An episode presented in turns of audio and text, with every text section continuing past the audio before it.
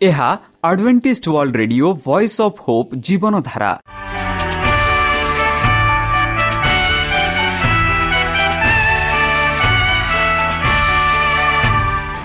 Odia radio କାର୍ଯ୍ୟକ୍ରମ ଯାହା ଆମର ଆନ୍ତର୍ଜାତୀୟ ଆଘାତ କେନ୍ଦ୍ରରୁ ପ୍ରସାରଣ କରାଯାଉଛି ପ୍ରତିଦିନ ରାତି ନଅଟା ତିରିଶ ମିନିଟ୍ରେ। ମୁଁ ସୁବ୍ରତ କୁମାର ପତି ପ୍ରେମର ସହ ଆପଣମାନଙ୍କୁ ଏହି କାର୍ଯ୍ୟକ୍ରମକୁ ସ୍ୱାଗତ କରୁଅଛି। ଚାଲନ୍ତୁ ଆଜିର ତିରିଶ ମିନିଟ୍ର କାର୍ଯ୍ୟକ୍ରମ ବିଷୟରେ ଜାଣିନେବା। ପ୍ରଥମେ ରଖିଛୁ ଆଧ୍ୟାତ୍ମିକ ଭକ୍ତିମୟ ଗୀତ। ଏହାପରେ ଶୁଣିବା ସ୍ୱାସ୍ଥ୍ୟ ବିଷୟରେ ଭକ୍ତଙ୍କଠାରୁ ଜୀବନଦାୟକ ଈଶ୍ୱରଙ୍କ ବାକ୍ୟ। ପ୍ରିୟ ଶ୍ରୋତା ତାହେଲେ ଚାଲନ୍ତୁ ଶୁଣିବା ଏକ ଆଧ୍ୟାତ୍ମିକ ଭକ୍ତିମୟ ଗୀତ।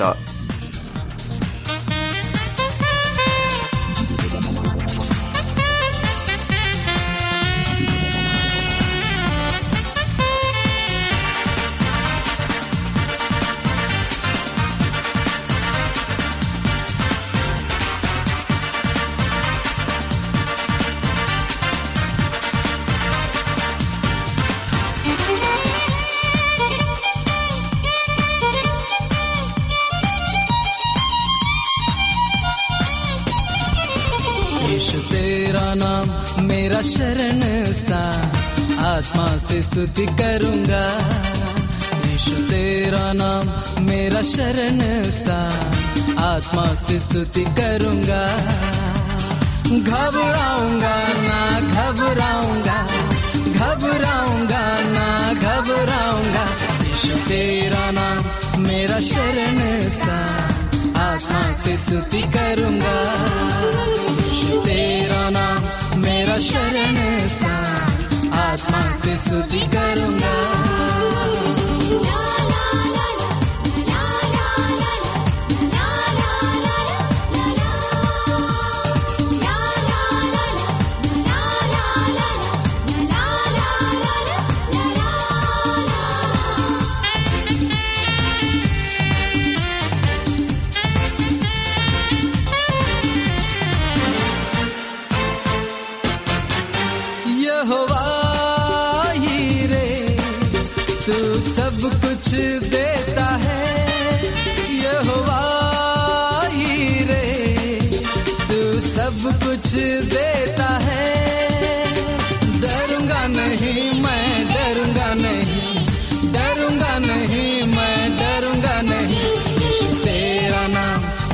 शरण स्थान आत्मा से स्तुति करूँगा। यीशु, तेरा नाम मेरा शरण स्थान आत्मा से स्तुति करूँगा।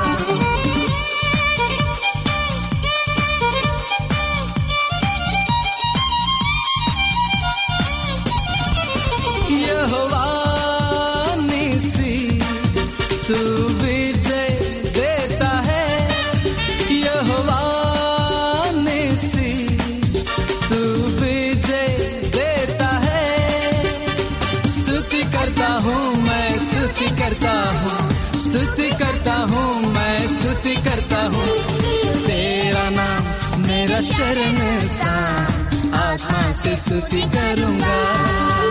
यीशु, तेरा नाम मेरा शरण स्थान आत्मा से स्तुति करूँगा। यहोवा, राफा चंगाई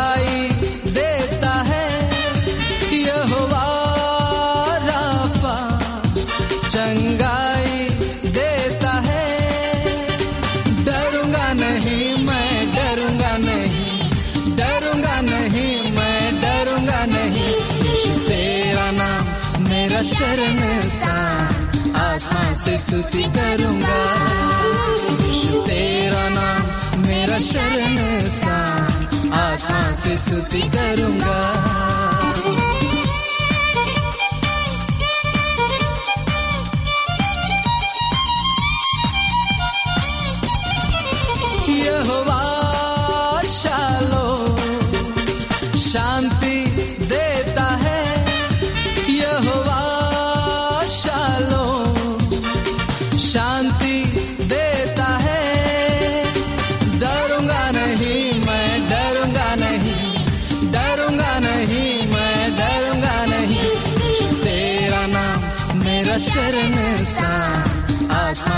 स्तुति करूँगा। यीशु तेरा नाम मेरा शरण स्थान। आत्मा से स्तुति करूँगा।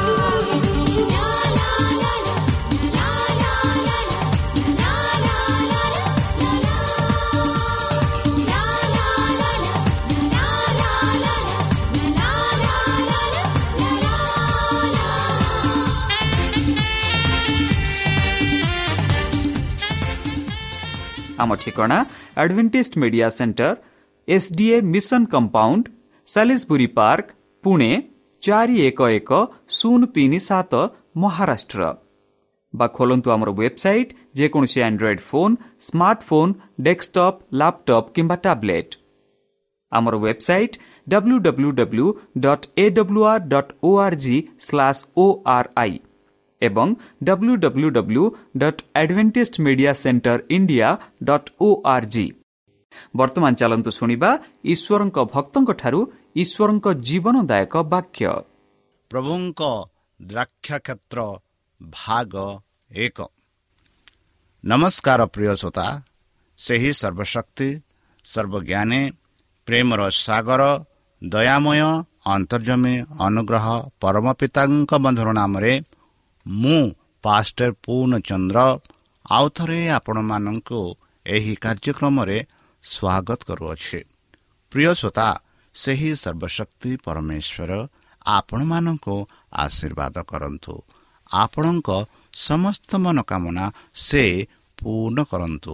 ଆପଣଙ୍କୁ ସମସ୍ତ ପ୍ରକାର ଦୁଃଖ କଷ୍ଟ ବାଧା କ୍ଲେଶ ଓ ରୋଗରୁ ଦୂରେଇ ରଖନ୍ତୁ।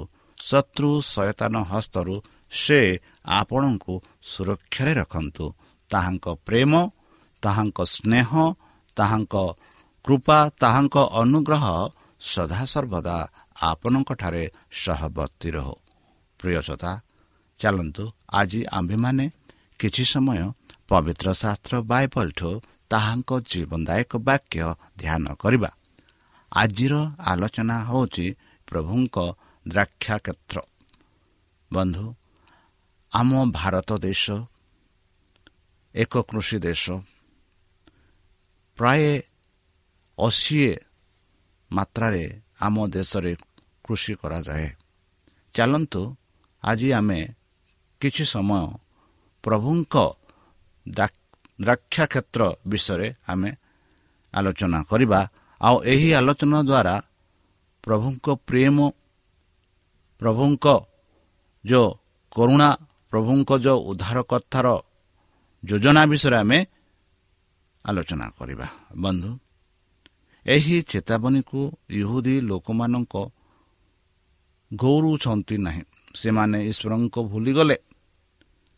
ଯେପରି ପରମେଶ୍ୱର ଏହି ୟୁଦୀମାନଙ୍କୁ ବାଛିଥିଲେ ଆଉ ସେମାନଙ୍କୁ ସମସ୍ତ ପ୍ରକାର ସାହାଯ୍ୟ ପ୍ରଦାନ କରିଥିଲେ। ସେମାନଙ୍କୁ ସମସ୍ତ ପ୍ରକାର ଶତ୍ରୁଠୁ ଉଦ୍ଧାର କରିଥିଲେ। ହେଲେ ହେଁ ସେମାନେ ସେହି ପ୍ରଭୁକୁ ଭୁଲିଗଲେ। ଯେଉଁ ପ୍ରଭୁ ସେମାନଙ୍କୁ ମିଶ୍ରରୁ କେନନ ଦେଶକୁ ଏକ ଦୁଗ୍ଧ ମଧୁ ବହୁଥିବା ଦେଶକୁ ନେଲେ ଏହି ଲୋକେ ଈଶ୍ୱରଙ୍କ ବିରୁଦ୍ଧରେ ଅନେକ କାମ କରୁଥିଲେ। ଆଉ ସେମାନଙ୍କୁ ବୁଝାଇ ପାଇଁ ବୁଝାଇବା ପାଇଁ ଏକ ଚେତାବନୀ ରୂପେ ଏହି ଦୃଷ୍ଟାନ୍ତ ଆମେ ପାଉଅଛୁ। ବର୍ତ୍ତମାନ ଆମମାନେ ମଧ୍ୟ ଈଶ୍ୱରଙ୍କ ବାକ୍ୟ ତାଙ୍କ ପବିତ୍ର ଶାସ୍ତ୍ର ବାଇବଲଠୁ ପଢ଼ୁଛୁ ଜାଣୁଛୁ। ହେଲେ ହେଁ ଈଶ୍ୱରଙ୍କ ବିରୁଦ୍ଧରେ ଆମେ ବେଲେ ବେଲେ ଚାଲିଥାଉ। ଆଉ ଯେପରିକି ପରମେଶ୍ୱର ଆମମାନଙ୍କ ଜୀବନରେ ଯେବେ ଆସନ୍ତି ସେତେବେଳେ ବି ଆମେ ପରମେଶ୍ୱରକୁ ଗ୍ରହଣ କରିନଥାଉ। ଯେପରିକି ସେମାନେ ଈଶ୍ୱରଙ୍କୁ ଭୁଲିଗଲେ ବୋଲି ଆମେ ଦେଖୁଅଛୁ। ସେମାନେ ତାଙ୍କ ପ୍ରତିନିଧି ଭାବରେ ଏହି ପୃଥିବୀରେ ସେମାନଙ୍କୁ ବଛା ଯାଇଥିଲା ଯେପରି ତାଙ୍କ ଦ୍ୱାରା ତାଙ୍କ ଆଶୀର୍ବାଦ ସାରା ସଂସାରରେ ପ୍ରସାରଣ କରାଯିବ। ସେମାନେ ଯେଉଁ ପାଇ ଯେଉଁ ଆଶୀର୍ବାଦ ପ୍ରାପ୍ତ ହୋଇଥିଲେ ସେହି ଆଶୀର୍ବାଦ ସାରା ଦୁନିଆରେ ସେମାନେ ପ୍ରଚାରିତ କରିବେ ଈଶ୍ୱରଙ୍କ ବିଷୟରେ ଶିକ୍ଷା ପ୍ରଦାନ କରିବେ। ଏଥି ନିମନ୍ତେ ସେମାନଙ୍କୁ ମନୋନୀତ କରାଯାଇଥିଲା। ମାତ୍ର ଏହି ଯୁଦି ପ୍ରଜାମାନେ ଯୀଶୁ ପ୍ରଭୁଙ୍କ ଯେଉଁ ଇଚ୍ଛା ଥିଲା ସେ ଇଚ୍ଛାକୁ ସେମାନେ ପୂରଣ କଲେ ନାହିଁ ବରଂ ତାଙ୍କ ବିରୁଦ୍ଧରେ ତାଙ୍କ ଭବିଷ୍ୟତ ଭକ୍ତାଙ୍କୁ ସେମାନେ ହତ୍ୟା କରିଥିଲେ ବୋଲି ଆମେ ଦେଖୁଅଛୁ। ସେମାନଙ୍କ ସମସ୍ତ ସୁବିଧା ସେମାନଙ୍କ ଜିନିଷ ଗୌରବ ପାଇଁ ବିନିଯୋଗ କରାଯାଇଥିଲା ବୋଲି ଆମେ ଦେଖୁଅଛୁ। ସେମାନେ ଈଶ୍ୱରଙ୍କୁ ସେମାନଙ୍କ ପାଇଁ ଆବଶ୍ୟକ ସେବା ଲୁଟି ନେଉଥିଲେ ବୋଲି ଆମେ ଦେଖୁଅଛୁ। ଏବଂ ସେମାନେ ସେମାନଙ୍କ ସାଥୀ ପୁରୁଷମାନଙ୍କୁ ଧାର୍ମିକ ମାର୍ଗଦର୍ଶନ ଏବଂ ଏକ ପବିତ୍ର ଉଦାହରଣ ଲୁଟି ନେଉଥିଲେ। ଏହିପରି ଆମେ ଦେଖୁଅଛୁ। ସେମାନଙ୍କୁ ଧାର୍ମିକ ପଥରେ ଯିବା କର୍ତ୍ତବ୍ୟ ଥିଲା ଅନ୍ୟମାନଙ୍କୁ ଦେଖାଇବାର କର୍ତ୍ତବ୍ୟ ଥିଲା ସେମାନେ ସେହିପରି କଲେ ନାହିଁ। ଏପରି ସେମାନେ ପବିତ୍ର ଜିନିଷକୁ ଅପବିତ୍ର ବି କରୁଥିଲେ। ଏକ ପ୍ରସହନରେ ପରିଣତ କଲେ। ଯେପରି କହିଲା ପ୍ରଭୁ ମନ୍ଦିର ପ୍ରଭୁଙ୍କ ମନ୍ଦିର ଏମାନେ ମାନେ ପ୍ରଭୁଙ୍କ ମନ୍ଦିରରେ ମଧ୍ୟ ଏମାନେ ଅନେକ ପ୍ରକାର ଦୁଷ୍କର୍ମ କରୁଥିଲେ। ଯେତେବେଳେ ସେମାନେ ଈଶ୍ୱରଙ୍କ ଚରିତ୍ରକୁ ଭୁଲ ଭାବରେ ଉପସ୍ଥାପନା କରୁଥିଲେ ସେହି ବିଜାତିମାନଙ୍କ ସମ୍ମୁଖରେ।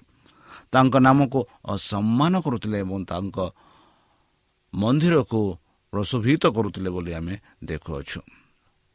ଏହି ଦ୍ରାକ୍ଷ କ୍ଷେତ୍ର ଦାୟିତ୍ୱରେ ଯାହା ଆମେ ଦେଖୁଅଛୁ କି ସ୍ୱାମୀ ସେ ଦ୍ରାକ୍ଷାରତାର ମାଲିକ ସେମାନଙ୍କୁ ବିଶ୍ୱାସ ପ୍ରତି ଅସତ୍ୟ ଥିଲେ ବୋଲି ଆମେ ଦେଖୁଅଛୁ। ଯାଜକ ଏବଂ ଶିକ୍ଷକମାନେ ଲୋକଙ୍କ ବିଶ୍ୱସ୍ତ ପ୍ରତିକ୍ଷଣର ନଥିଲେ। ସେମାନେ ସେମାନଙ୍କ ଆଗରେ ଈଶ୍ୱରଙ୍କ ଭଲ ଏବଂ ଦୟା ଏବଂ ସେମାନଙ୍କ ପ୍ରେମ ଏବଂ ସେବା ପାଇଁ ତାଙ୍କର ଦାବି ରଖୁନଥିଲେ। ଏହି ସ୍ୱାମୀମାନେ ନିଜ ଗୌରବ ପାଇଁ ସେମାନେ କାର୍ଯ୍ୟ କରୁଥିଲେ। ସେମାନେ ଦ୍ରାକ୍ଷା କ୍ଷେତ୍ରର ଫଳକୁ ଉପଯୁକ୍ତ କରିବାକୁ ଇଚ୍ଛା କଲେ ନିଜ ପ୍ରତି ଧ୍ୟାନ ଏବଂ ଶ୍ରଦ୍ଧାଞ୍ଜଳି ଆକର୍ଷିତ କରିବା ସେମାନଙ୍କ ଏକ ଅଧ୍ୟୟନ ଥିଲା ବୋଲି ଆମେ ଦେଖୁଅଛୁ। ବନ୍ଧୁ ଇସ୍ରାଏଲ ପ୍ରଜା ଇସ୍ରାଏଲର ଏହି ନେତାମାନଙ୍କର ଦୋଷ ସାଧାରଣ ପାପୀଙ୍କ ଦୋଷ ପରି ନଥିଲା ବନ୍ଧୁ। ଏହି ପୁରୁଷମାନେ ଈଶ୍ୱରଙ୍କ ପାଇଁ ସବୁଠାରୁ ଗମ୍ଭୀର ବାଧାତ୍ମୂଳକ ଅଧୀନରେ ଠିଆ ହୋଇଥିଲେ ବନ୍ଧୁ। ସେମାନେ ନିଜ ଏହିପରି ପ୍ରଭୁ ଶିକ୍ଷା ଦେବା ଏବଂ ସେମାନଙ୍କ ବ୍ୟବହାରିକ ଜୀବନରେ କଠୋର ଆଜ୍ଞା ପାଳନ ଆଣିବାକୁ ପ୍ରତିଜ୍ଞା କରିଦେଇଥିଲେ। ଏହା କରିବା ପରିବର୍ତ୍ତେ ସେମାନେ ଶାସ୍ତ୍ରକୁ ବିକୃତ କରୁଥିଲେ ବନ୍ଧୁ। ସେମାନେ ପୁରୁଷମାନଙ୍କ ଉପରେ ଭାରି ବୋଝ ପକାଉଥିଲେ। ସମାରୋହ କାର୍ଯ୍ୟକାରୀ କଲେ ଯାହା ଜୀବନର ପ୍ରତ୍ୟେକ ପଦପେକ୍ଷରେ ପହଞ୍ଚିଥିଲା। ଲୋକମାନେ କ୍ରମାଗତ ଆଶାନ୍ତିରେ ରହୁଥିଲେ। କାରଣ ସେମାନେ ସେହି ଯାଜକମାନଙ୍କ ଦ୍ୱାରା ନିର୍ଦ୍ଧାରିତ ଆବଶ୍ୟକତା ପୂରଣ କରିପାରୁନଥିଲେ। ଯେହେତୁ ଆମେ ପାଉଅଛୁ ଏହିପରି କି ସେମାନେ ମାନବ ନିର୍ମତ ଆଜ୍ଞା ପାଳନ କରିବାର ଅସମ୍ଭତା ଦେଖିଲେ। ସେମାନେ ଈଶ୍ୱରଙ୍କ ଆଜ୍ଞା ସମ୍ବନ୍ଧରେ ବେପରୁଆ ହେଉଥିଲେ। ବନ୍ଧୁ ପରମେଶ୍ୱର ଯିଏକି ଆପଣା ହସ୍ତ ଦେଇ ମିଶ୍ର ଦେଶରୁ ସେମାନଙ୍କୁ କ୍ୟାନନ ଦେଶକୁ ଆସିଲେ ଅନାଇଲେ। ଆଉ ଏହି ବ୍ୟକ୍ତିମାନେ ତାହାଙ୍କ ଆଜ୍ଞାରେ ବେପରୁଆ ହେଉଥିଲେ। ପ୍ରଭୁ ତାଙ୍କ ଲୋକଙ୍କୁ ନିର୍ଦ୍ଦେଶ ଦେଇଥିଲେ ଯେ ସେ ଦ୍ରାକ୍ଷା କ୍ଷେତ୍ରର ମାଲିକ ଏବଂ ସେମାନଙ୍କ ସମସ୍ତ ସମ୍ପତ୍ତି ତାଙ୍କୁ ତାଙ୍କ ପାଇଁ ବ୍ୟବହୃତ ହେବାର ବିଶ୍ୱାସର ଦିଆଯାଇଥିଲା। କିନ୍ତୁ ଏହି ଯେଉଁ ଯାଜକମାନେ ଏବଂ ଶିକ୍ଷକମାନେ ସେମାନଙ୍କର ପବିତ୍ର କାର୍ଯ୍ୟାଳୟର କାର୍ଯ୍ୟ କରିନଥିଲେ ଯେପରି ସେମାନେ ଈଶ୍ୱରଙ୍କ ସମ୍ପତ୍ତି ପରିଚାଳନା କରିବାର ଅଛି ସେମାନେ ତାଙ୍କ କାର୍ଯ୍ୟର ଅଗ୍ରଗତି ପାଇଁ ସେମାନଙ୍କୁ ଦିଆଯାଇଥିବା ମାଧ୍ୟମ ଏବଂ ସୁବିଧାରୁ ତାଙ୍କୁ ବ୍ୟବସ୍ଥ ଭାବରେ ଲୁଟି ଲୁଟୁଥିଲେ। ସେମାନଙ୍କୁ ଲୋଭ ଏବଂ ଲୋଭ ସେମାନଙ୍କୁ ଆଉ ସେମାନଙ୍କୁ ଘୃଣା ଯାହାକି ଆମେ ଦେଖୁଅଛୁ। ଏପରିକି ବିଜାତି ଦୁନିଆକୁ ଈଶ୍ୱରଙ୍କ ଚରିତ୍ର ଏବଂ ତାଙ୍କ ରାଜ୍ୟର ନିୟମର ଭୁଲ ବ୍ୟାଖ୍ୟା କରିବାକୁ ଅବସର ଦିଆଯାଇଥିଲା। ପିତାଙ୍କ ହୃଦୟ ସହିତ ଈଶ୍ୱରଙ୍କ ତାଙ୍କ ଲୋକଙ୍କ ସହିତ ଭୋର କରିଥିଲେ। ଦିଆଯାଇଥିବା ମର୍ମସ ଏବଂ ମର୍ଷ ପ୍ରତ୍ୟାହାର କରି ସେ ସେମାନଙ୍କୁ ନିବେଦନ କରିଥିଲେ। ଧୈର୍ଯ୍ୟର ସହିତ ସେ ସେମାନଙ୍କ ଆଗରେ ସେମାନଙ୍କର ପାପ ସ୍ଥିର କଲେ ଏବଂ ସହନଶୀଳତାରେ ସେମାନଙ୍କ ସେହି କୃତି ପାଇଁ ଅପେକ୍ଷା କଲେ। ସ୍ୱାମୀମାନଙ୍କ ଉପରେ ଭଗବାନଙ୍କ ଦାୟିତ୍ୱକୁ ଅନୁରୋଧ କରିବାକୁ ଭବିଷ୍ୟତ ବକ୍ତା ଏବଂ ନୂତମାନଙ୍କୁ ପଠାଇଥିଲେ। କିନ୍ତୁ ସ୍ୱାଗତ କରିବା ପରିବର୍ତ୍ତେ ସେମାନଙ୍କୁ ଶତ୍ରୁ ଭାବରେ ବିବେଚନା କରାଯାଇଥିଲା ବନ୍ଧୁ। ସ୍ୱାମୀମାନେ ସେମାନଙ୍କୁ ନିର୍ଯାତନା ଦେଇଥିଲେ ଏବଂ ହତ୍ୟା କରିଥିଲେ। ଈଶ୍ୱର ତଥାପି ଅନ୍ୟ ଦୂତ ପଠାଇଲେ କିନ୍ତୁ ସେମାନେ ପ୍ରଥମ ପରି ସମାନ ବ୍ୟବହାର ପାଇଲେ। କେବଳ ସ୍ୱାମୀମାନେ ତଥାପି ଅଧିକ ସ୍ଥିର ଘୃଣା ଦେଖାଇଲେ ବୋଲି ଆମେ ପାଉଛୁ ଏହି ଦୃଷ୍ଟାନ୍ତରେ। ଶେଷ ଉସ୍ତ ଭାବରେ ଈଶ୍ୱର ତାଙ୍କ ପୁଅକୁ ପଠାଇଲେ ଯେ କି ଯୀଶୁ ଖ୍ରୀଷ୍ଟ ସେମାନେ ମୋ ପୁଅକୁ ସମ୍ମାନ କରିବେ ବୋଲି ସେହିପରି ଇଚ୍ଛା କଲା ସେ ମାଲିକ। ପ୍ରଭୁ କିନ୍ତୁ ସେମାନଙ୍କ ପ୍ରତିରୋଧ ସେମାନଙ୍କ ପ୍ରତିଶୋଧ ପରିଣୟ କରିଦେଇଥିଲା ଏବଂ ସେମାନେ ନିଜ ମଧ୍ୟରେ କହିଥିଲେ ଏହା ହେଉଛନ୍ତି ଉତ୍ତରାଧିକାରୀ ଆସନ୍ତୁ ଆସନ୍ତୁ ତାଙ୍କୁ ହତ୍ୟା କରିବା ଏବଂ ଆସନ୍ତୁ ତାଙ୍କ ଉତ୍ତରାଧିକାରୀକୁ ଜବତ କରିବା। ତାପରେ ଆମକୁ ଦାକ୍ଷା କ୍ଷେତ୍ରକୁ ଉପଭୋଗ କରିବାକୁ ଏବଂ ଫଲ ସହିତ ଯେପରି ଆମେ ଚାହିଁବୁ ତାହା କରିବାକୁ ଛାଡ଼ି ଆସିବା। ବନ୍ଧୁ ଇହୁଦୀ ଶାସକମାନେ ଈଶ୍ୱରଙ୍କ ଭଲ ପାଉନଥିଲେ। ତେଣୁ ସେମାନେ ତାଙ୍କଠାରୁ ନିଜକୁ କାଟିଦେଲେ ଏବଂ ଏକ କେବଳ ସାଧାରଣ ପାଇଁ ତାଙ୍କର ସମସ୍ତ ପ୍ରସ୍ତାବକୁ ପ୍ରତ୍ୟାଖ୍ୟାନ କଲେ। ଈଶ୍ୱରଙ୍କ ପ୍ରିୟ ଖ୍ରୀଷ୍ଟ ଦାକ୍ଷ କ୍ଷେତ୍ରର ମାଲିକ ଦାବିକୁ ଦୃଢ଼ କରିବାକୁ ଆସିଥିଲେ। କିନ୍ତୁ ସ୍ୱାମୀମାନେ ତାଙ୍କୁ ଚିହ୍ନିତ ଅବମାନନା ସହିତ ବ୍ୟବହାର କରି କହିଥିଲେ ଆମ ଉପରେ ଶାସନ କରିବାକୁ ଆମର ଏହି ବ୍ୟକ୍ତି ରହିବେ ନାହିଁ। ସେମାନେ ଖ୍ରୀଷ୍ଟଙ୍କ ଚରିତ୍ରର ସୌନ୍ଦର୍ଯ୍ୟକୁ ଈର୍ଷା କଲେ। ସେ ସେମାନଙ୍କ ସହିତ ପ୍ରତିବାଦ କଲେ। ସେମାନଙ୍କ କପଟତାକୁ ଉଚ୍ଚନ କଲେ। ଏବଂ ସେମାନଙ୍କୁ ସେମାନଙ୍କ କାର୍ଯ୍ୟପନ୍ଥାର ନିଶ୍ଚିତ ଫଳାଫଳ ଦେଖାଇଲେ। ଏହା ସେମାନଙ୍କୁ ପାଗଳତାରେ ଆନ୍ଦୋଳିତ କଲା। ସେମାନେ ଚୁପ୍ ହୋଇପାରିନଥିଲା ଥିବା ଭର୍ଜନାରେ ସଟ୍ ହୋଇଥିଲେ। ଖ୍ରୀଷ୍ଟ କ୍ରମାଗତ ଭାବରେ ଉପସ୍ଥାପନା କରୁଥିବା ଧାର୍ମିକତାର ଉଚ୍ଚମାନକୁ ସେମାନଙ୍କ ଘୃଣ କରୁନଥିଲେ। ସେମାନେ ଦେଖିଥିଲେ ଯେ ତାଙ୍କ ଶିକ୍ଷା ସେମାନଙ୍କୁ ଯେଉଁଠାରେ ସେମାନଙ୍କ ସ୍ୱାର୍ଥପରତା ଅନପୋଷକ ହେବ ଏବଂ ସେମାନେ ତାଙ୍କୁ ହତ୍ୟା କରିବାକୁ ସ୍ଥିର କଲେ। ବନ୍ଧୁ ଏହିପରି ଆମେ ଦେଖୁଅଛୁ। ସେମାନେ ତାଙ୍କ ସତ୍ୟତା ଏବଂ ଧାର୍ମିକତାର ଉଦାହରଣକୁ ଘୃଣା କରୁଥିଲେ ଏବଂ ସେ ଯାହା କହିଥିଲେ ସେଥିରେ ପ୍ରକାଶିତ ଉଚ୍ଚ ଆଧ୍ୟାତ୍ମିକତା। ତାଙ୍କର ସମଗ୍ର ଜୀବନ ସେମାନଙ୍କ ସ୍ୱାର୍ଥପରତା ଏବଂ ପ୍ରମାଣ ଥିଲା ବନ୍ଧୁ ଯାହା ଆମେ ଦେଖୁ। ଏବଂ ଯେତେବେଳେ ଅନ୍ତିମ ପରୀକ୍ଷା ଆସିଲା ପରୀକ୍ଷା ଯାହାର ଅର୍ଥ ଅନନ୍ତ ଜୀବନକୁ ଆଜ୍ଞା ପାଳନ କିମ୍ବା ଅନନ୍ତ ମୃତ୍ୟୁ ପାଇଁ ଅପମାନନା ସେମାନେ ଇସ୍ରାଏଲ ପବିତ୍ରକୁ ପ୍ରତ୍ୟାଖ୍ୟାନ କଲେ ବନ୍ଧୁ। ଯେତେବେଳେ ସେମାନଙ୍କୁ ଖ୍ରୀଷ୍ଟ ଏବଂ ବାବରାଙ୍କ ମଧ୍ୟରେ ବାଛିବାକୁ କୁହାଗଲା ସେମାନେ ଚିତ୍କାର କରି କହିଲେ ଆମକୁ ବାରବସ ମୁକ୍ତ କର ବୋଲି। ପଢ଼ନ୍ତୁ ଲୋକ ତେଇଶ ଅଠରରେ ଏହିପରି ଆମେ ପାଉଅଛୁ। ଏବଂ ଯେତେବେଳେ ସେହି ପାଇଲଟ ପଚାରିଲେ ମୁଁ ସେତେବେଳେ ଯୀଶୁଙ୍କ ସହିତ କ'ଣ କରିବି ବୋଲି ସେମାନେ ଭୟଙ୍କର ଭାବରେ କାନ୍ଦିଲେ ଉଚ୍ଚରେ କାନ୍ଦିଲେ ତାଙ୍କୁ କୃଷବିଧ କର କୃଷବିଧ କର ବୋଲି। ଏହିପରି ମାଥିଓ ସତେଇଶ ବାଇଶରେ ପାଉଅଛୁ।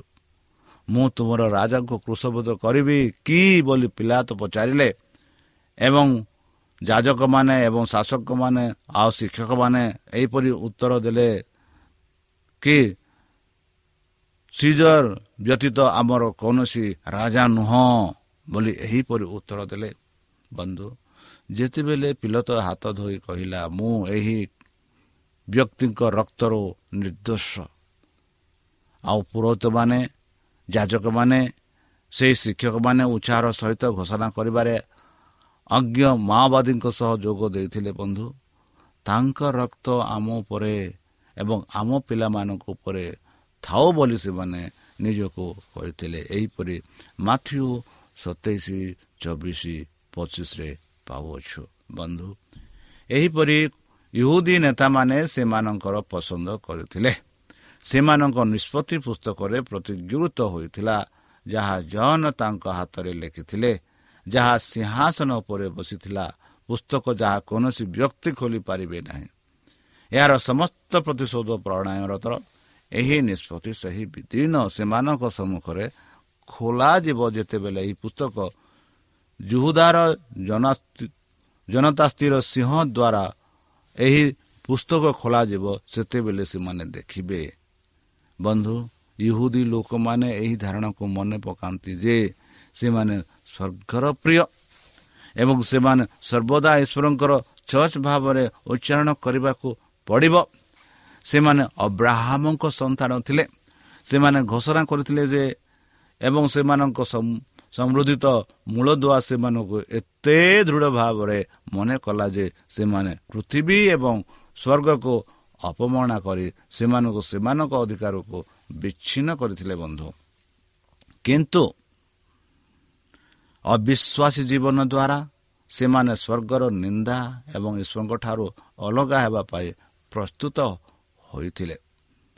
ଦ୍ରାକ୍ଷା କ୍ଷେତ୍ରର ଦୃଶ୍ୟରେ ଖ୍ରୀଷ୍ଟ ପୌରୋହିତମାନଙ୍କୁ ବା ଯାଜକମାନଙ୍କୁ ଶିକ୍ଷକମାନଙ୍କ ସମ୍ମୁଖରେ ସେମାନଙ୍କ ଦୃଷ୍ଟତା ମୁକୁଟ କାର୍ଯ୍ୟ ଚରିତ କରିବା ପରେ ସେ ସେମାନଙ୍କୁ ପ୍ରଶ୍ନ କରିଥିଲେ ଯେତେବେଳେ ଦ୍ରାକ୍ଷ କ୍ଷେତ୍ରର ପ୍ରଭୁ ଆସନ୍ତି ସେ ସେହି ସ୍ୱାମୀମାନଙ୍କ ପାଇଁ କ'ଣ କରିବେ? ସେତେବେଳେ ସେହି ପୁରୋହିତ ସେହି ଯାଚକମାନେ ସେହି ଶିକ୍ଷକମାନେ ଗଭୀର ଆଗ୍ରହର ସହିତ କାହାଣୀକୁ ଅନୁସରଣ କରୁଥିଲେ ଏବଂ ନିଜ ସହିତ ବିଷୟରେ ସମ୍ପର୍କକୁ ବିଚାର ନ କରି ସେମାନେ ଉତ୍ତର ଦେବାରେ ଲୋକଙ୍କ ସହିତ ଯୋଗ ଦେଇଥିଲେ। ସେ ସେହି ଦୁଷ୍ଟ ପୁରୁଷମାନଙ୍କୁ ଶୋଚନୀୟ ଭାବରେ ନଷ୍ଟ କରିବେ ବୋଲି ସେମାନେ ଉତ୍ତର ଦେଇଥିଲେ ଏବଂ ଅନ୍ୟ ସ୍ୱାମୀମାନଙ୍କୁ ତାଙ୍କ ଦ୍ରାକ୍ଷା କ୍ଷେତ୍ର ଦେଇଦେବେ ବୋଲି ସେମାନେ କହିଥିଲେ ଯାହା ତାଙ୍କୁ ସେମାନଙ୍କ ଋତୁ ରୂପେ ଭଲ ହେବ ବୋଲି ସେମାନେ କହିଥିଲେ। ବନ୍ଧୁ ଅଜାରଣର ସେମାନେ ନିଜର ବିନାଶ ଘୋଷଣା କରିଥିଲେ।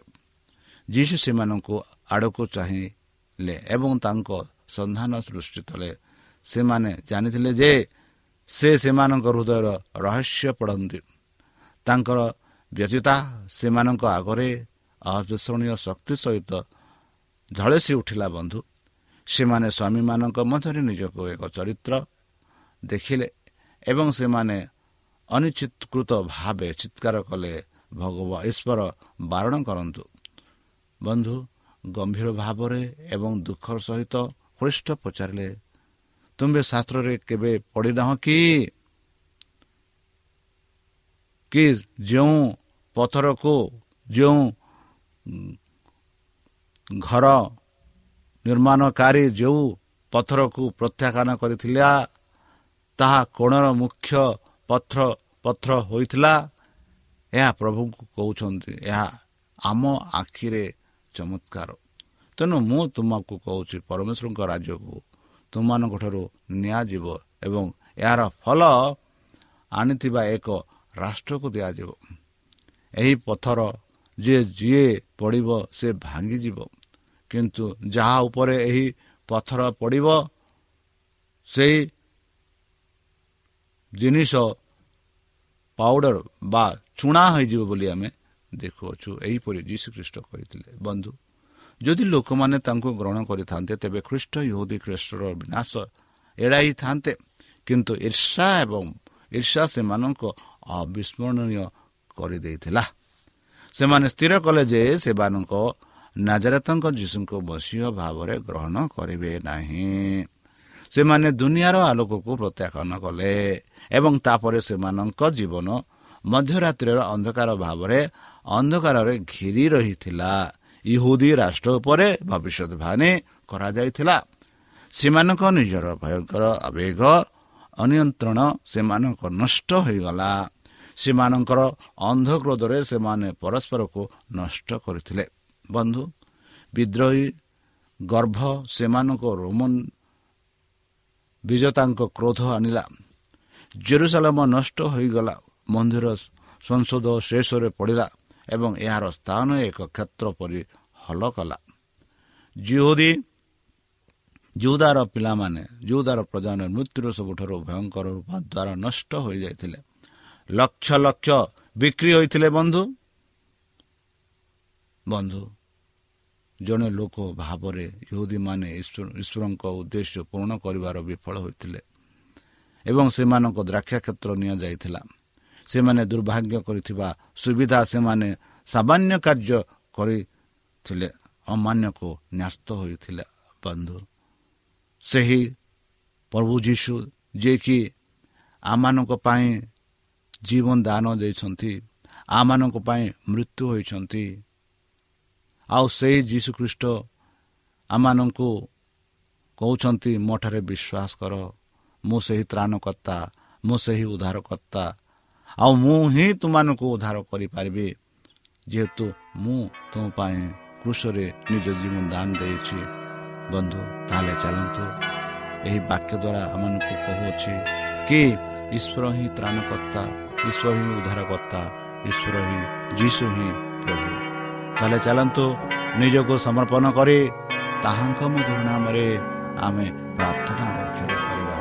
ହେ ଆମ୍ଭମାନଙ୍କ ସର୍ବଶକ୍ତି ସର୍ବଜ୍ଞାନୀ ପ୍ରେମର ସାଗର ଦୟାମୟ ଅନ୍ତର୍ଜମୀ ଅନୁଗ୍ରହ ପରମ ପିତା ଧନ୍ୟବାଦ ଅର୍ପଣ କରୁଛୁ ପ୍ରଭୁ ବର୍ତ୍ତମାନ ଯେଉଁ ବାକ୍ୟ ତୁମ ସେ ଭକ୍ତମାନଙ୍କୁ ଶୁଣାଇଲେ ସେହି ବାକ୍ୟ ଅନୁସାରେ ଏମାନଙ୍କୁ ଚାଲିବା ପାଇଁ ବୁଦ୍ଧିରେ ଜ୍ଞାନରେ ଶକ୍ତିରେ ପରିପୂର୍ଣ୍ଣ କର। ଆମ ପାପ ସବୁ ତୁମ ସେହି ବହୁମୂଲ୍ୟ ରକ୍ତରେ ପରିଷ୍କାର କର ଦିଅ ଯେପରିକି ତୁମ ବାକ୍ୟ ଅନୁସାରେ ଆମେ ଚାଲିବୁ ସେଥିପାଇଁ ଆମମାନଙ୍କୁ ପବିତ୍ର ଆତ୍ମା ଦ୍ୱାରା ପରିଚାଳନା କର। ଆଉ ପରିଶେଷ ଯେବେ ତୁମେ ତୁମ ସେହି ସହସ୍ର ଦୂତଙ୍କ ସହ ଆସିବେ ଆପଣା ସାଧୁମାନଙ୍କୁ ସଂଗ୍ରହ କରିବା ନିମନ୍ତେ ହେ ପରମେଶ୍ୱର ସେତେବେଳେ ଆମମାନଙ୍କୁ ଏକ ବାସସ୍ଥାନ ଦିଅ ବୋଲି ତ୍ରାଣକର୍ତ୍ତା ପ୍ରଭୁ ଯୀଶୁଙ୍କ ମଧୁରମୟ ନାମରେ ଏହି ଛୋଟ ବିକ୍ଷମ ଅଛୁ ଗ୍ରହଣ କର। Amen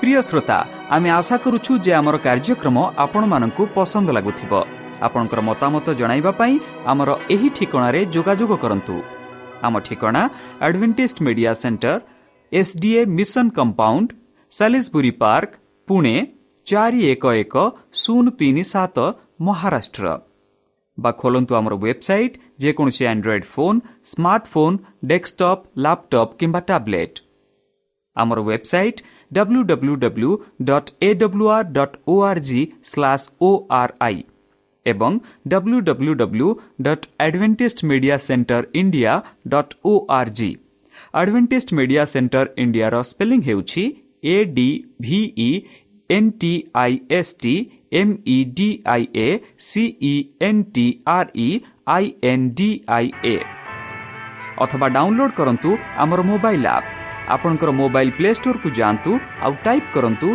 the voice of pope आउ डाउनलोड करन्तु ईश्वर आपनकु आशीर्वाद करन्तु धन्यवाद